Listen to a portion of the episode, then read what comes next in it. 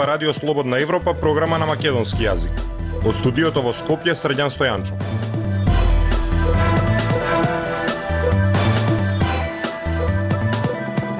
Ја слушате емисијата на Радио Слободна Европа, почитувани. Во неа објавуваме. Повисоки даноци за плаќачите, неплаќачите никој не ги чепка. Грејење може да штедат само богатите, другите ќе мрзнат. Жестоките борби се префрлаат на југот на Украина. Слушајте не.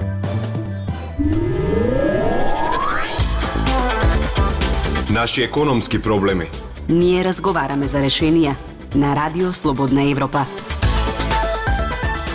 Државата нема пари оти се презадолжи. Прво за справување со корона кризата, а потоа и со енергетската криза. Кредитите стануваат се поскапи, па затоа сега ќе се зголемуваат даноците за граѓаните и фирмите. Но тоа во услови на криза ќе значи нов товар за оние кои веќе плаќаат даноци. Пелагија Стојанчова Најголемите даноци се воведувале за време или по некоја голема криза, како после големите војни или за време на големата депресија, вели Бранимир Јовановиќ од Финскиот институт за меѓународни економски истражувања, откако власта најави нови даноци за граѓаните и за фирмите. Во време на кризи парите може да се обезбедат со задолжување кое ќе оди се потешко и кредитите на светските пазари се се поскапи или преку зголемување на даноци, вели тој. Со тоа што нема да се воведе прогресивен данок, односно со тоа што нема да се даночат богатите, за тоа значи дека ќе се даночат сиромашните, односно сите останати. И тоа е најголемата грешка со оваа даночна реформа. Со реформите што ги најави министерот за финансии Фатмир Бесими во колумна изминатиот викенд, ќе бидат оплатени данокот на добивка, на личен доход, ДДВ-то, зелени даноци, потоа граѓаните и фирмите ќе треба да плаќаат данок на штедни влогови, ќе се оданочуваат капиталните добивки и се предвидува данок за реинвестирана добивка и за хонорарците. Но даношниот експерт Павле Гацо вели дека и со оваа даношна реформа ќе се зголеми даношниот товар врз оние кои веќе плаќа данок, а нема да се намали сивата економија. За жал и овој пат не се прави обид да се зафати неформалната економија, која е најголем потенцијален извор на даношни приходи по кој државата не посегнува на систематски начин. Економијата која беше силно погодена од последиците на коронавирусот дополнително се вложи со енергетската криза и војната во Украина, кои придонесоа до тоа да има повисоки цени на енергенсите и на храната. Владата во меѓувреме во неколку наврати даваше пакети помош за граѓаните и за стопанството, ја субвенционира струјата и парното, што пак се одрази на јавниот долг, односно државата стана високо задолжена. Гацо вели дека во вакви услови граѓаните тешко ќе прифатат повисоки даноци. Во време на силен ценовен удар врз домашната економија, реален пат на платите и животниот стандард заради високата инфлација, како и високата економска неизвестност предизвикана од нестабилната политичка, енергетска и здравствена ситуација, не оди во прилог на подигање на степенот на прифатливост на најавените даночни политики од страна на даночните врзници, вели тој. Бесими во колумната наведува дека во изминатите 15 на години земјава постојано собирала помалку давачки и во однос на регионот и во однос на Европската унија.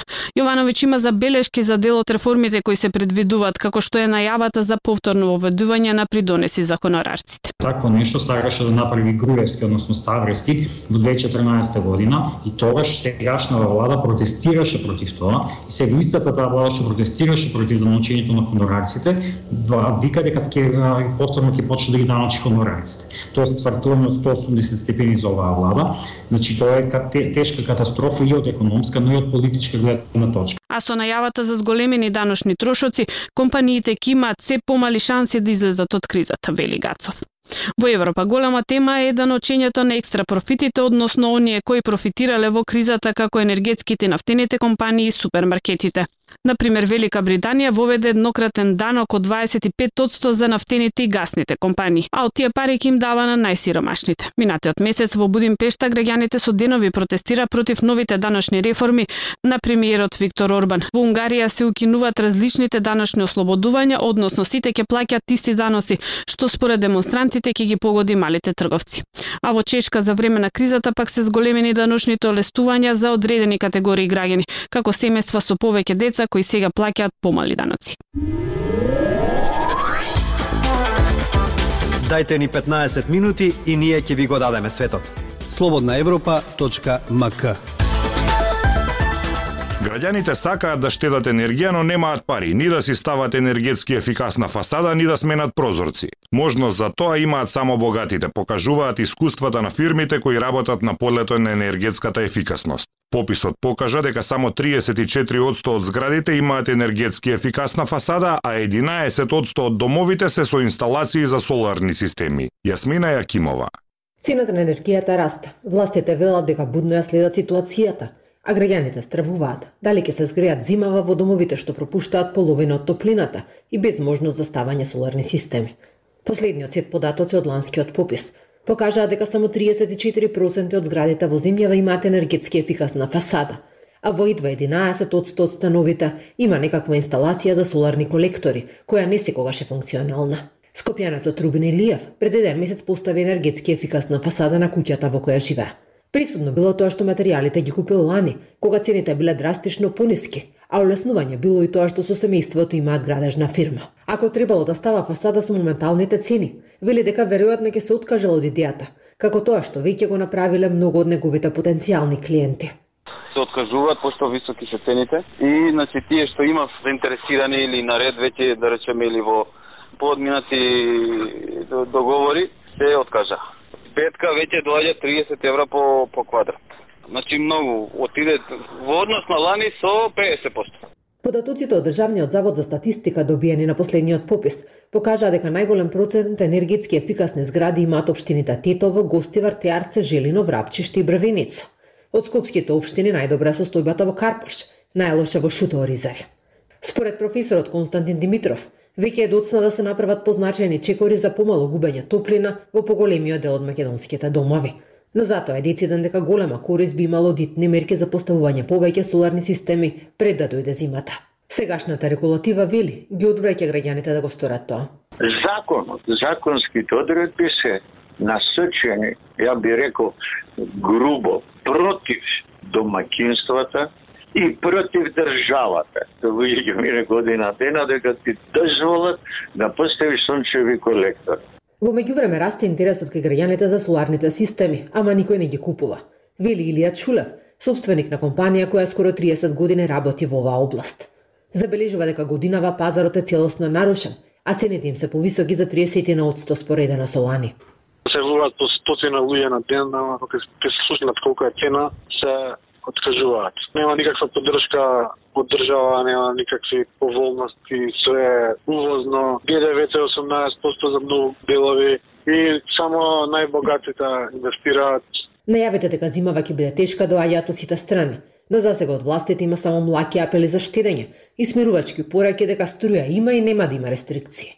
Па така додека европските земји се тркаат во штедење енергија, кај на се уште нема абер од антикризните мерки што се најавуваат со месеци.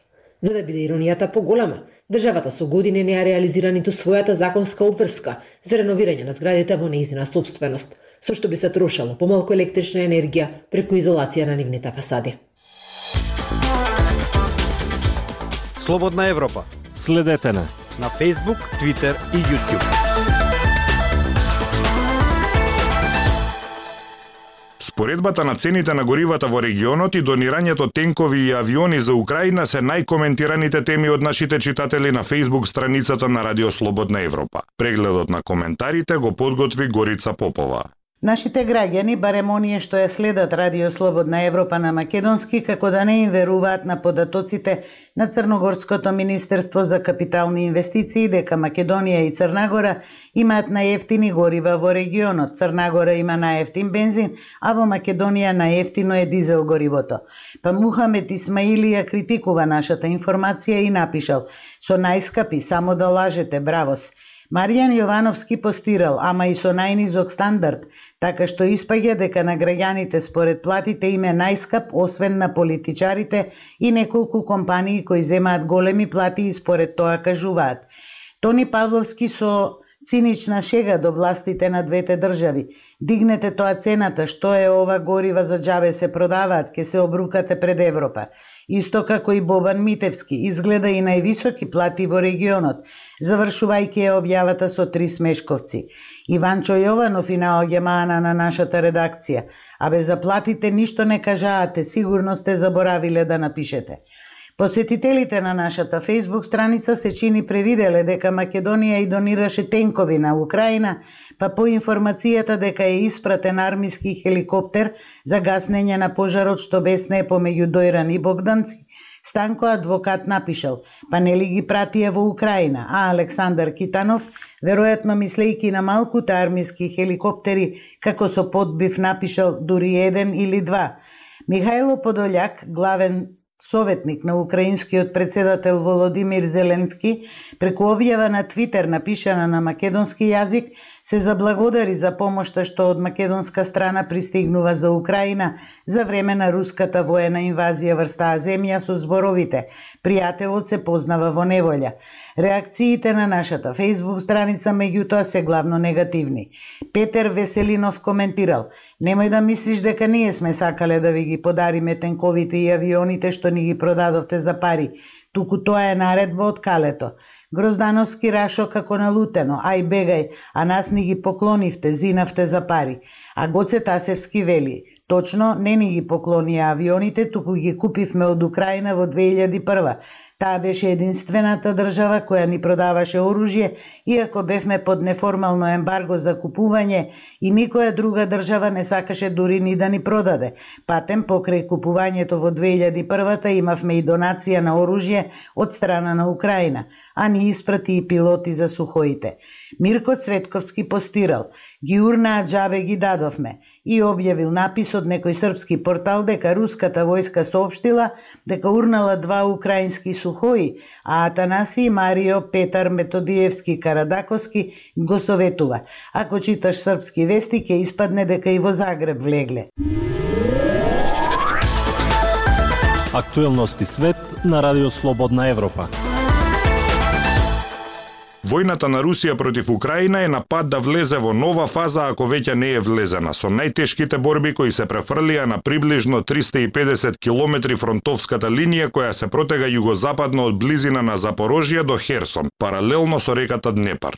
Југот е клучен, вели Питер Цвак, пензиониран генерал на американската армија. Пренесува Гоце Атанасов. Долги конвои руски воени камиони, тенкови, артилерија и друго оружје се оддалечуваат од украинскиот регион Донбас и се упатени југозападно и во барем еден случај северозападно од пристаништето Мариупул, окупирано од русите. Мостовите, складиштата за муниција и железничките врски се цел на се поголема фреквенција во јужните региони на Украина, погодени од украинските сили со моќно оружје испорачено од западот. Само битката за градот Керсон може да се покаже како одлучувачка во одредувањето на крајниот исход на војната. Југот е клучен, вели Питер Цвак, пензиониран генерал на американската армија кој служеше како одбранбен аташе во американската амбасада во Москва. Ова е повеќе од само тест од перспектива на Киев. Борбата на југ е екзистенцијална. Секако украинците ги усовршуваат своите сили, внесуваат нови луѓе опрема, но пред се тоа е екзистенцијално. Тие треба да ги извлечат русите од југот сега, пред се да се утврдат и да ги истуркат, вели тој за Радио Слободна Европа. Украинските власти веќе посочуваат на зголемен број на села и градови во регионот Керсон кои се повторно заземени. Тие не се големи джиновски напредоци, но секако се напредува против русите. Не знам дали тоа е дел од контраофанзива. Знам дека тие прават офанзивни придобивки. И тие го прават тоа, знаете, против руските сили кои изгледа дека се лошо подготвени за тоа, вели еден висок американски функционер на Пентагон. Важноста на регионите Керсон и Запорожје доаѓа од нивната географија. Претежно рамното пространство има огромни полиња на фарми и електрани. И како што е сега, Украинските земји окупирани од руските сили го вклучуваат целиот брег на Азовското море, Кримскиот полуостров и брегот на Црното море до устието на реката Днепар. Тоа ја става Русија опасно близко до блокирање на целото крајбрежје на Украина. Зголемувањето на темпото во борбите и движењето на војниците исто така може да потекнуваат од намерите на Кремљ. Руските власти сигнализираа планови за одржување референдуми во двата региона, веројатно за нивно припојување, слично на оно што се случи на Крим во 2014 година. За таа цел Украина може да притиска напред за да ги спречи руските референдуми, што Москва ќе ги искористи за да зацрсти својата контрола, велат експертите. Ја слушавте емисијата на Радио Слободна Европа на македонски јазик. Со вас беа продуцентот Дејан Балаловски и Средјан Стојанчо. До слушање.